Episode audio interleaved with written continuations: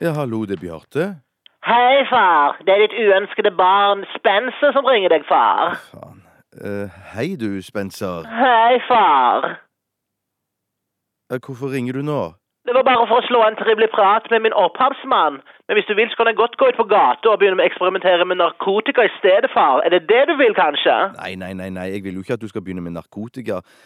Men Spencer, jeg skjønner bare ikke hvorfor du har begynt å ringe meg så ofte i det siste.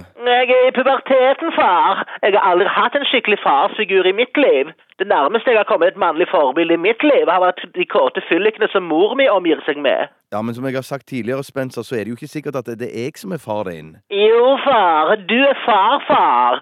Og jeg er i en følelsesmessig vanskelig periode av mitt liv, så du må høre på meg og snakke med meg for at jeg ikke skal gjøre noe drastisk med meg sjøl og den fine batangaen jeg fikk av deg til 14-årsdagen min. Herregud, Spencer, det der er utpressing. Ja, hva er det du vil snakke med meg om, da? Jo, den siste nyheten fra mitt liv er at jeg lurer på om jeg kanskje er homofil, far. Ja vel? Så jeg lurer jo på hva du syns om det, far. At din eneste sønn er homofil. At jeg liker ostegrill istedenfor wienerbrød, for å si det på den måten. Nei, hva skal jeg si om det, Spencer? Hvis du er homo, så er du jo homo. Det er jo ikke stort jeg kan få gjort med det.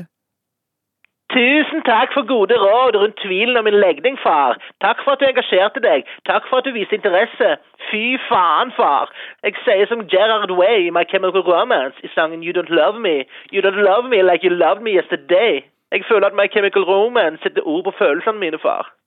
Ja, Hva vil du at jeg skal si da, Spencer? Du kunne kanskje sagt at du var glad i meg uansett hva for legning jeg hadde, og at jeg er ung, og at følelser og hormoner svirrer rundt i kroppen min, og at det kommer til å gå over etter hvert. Men du er så jævla håpløs, far. Ja, men Det virker jo som du har alle svarene allerede Ja, men far, jeg trenger oppmerksomhet! Det er derfor jeg er i opprør. Jeg er en emo-kid, far. Vet du hva det betyr? Det betyr at jeg er veldig emosjonell.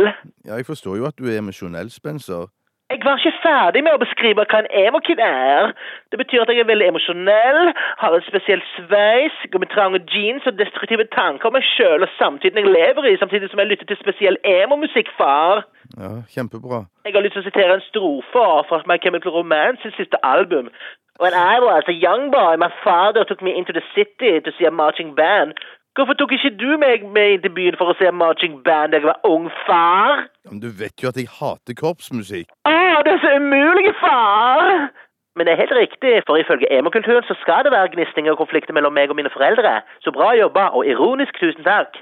Kan jeg komme og bo i lag med deg i storbyen, far? Randaberg er så lite. Du, Spencer, jeg stopper deg der, jeg. Eh, jeg skal spise taco nå, jeg, så jeg må stikke og ta ut skjellene før de blir brente. Men eh, takk for at du ringte. Å, jeg hater deg, far. Men husk at det er en del av ungdomsopprøret mitt. Ja, Kjempefint. Takk for nå, og ha en trivelig dag. Fuck deg, far. Ja, fuck deg òg.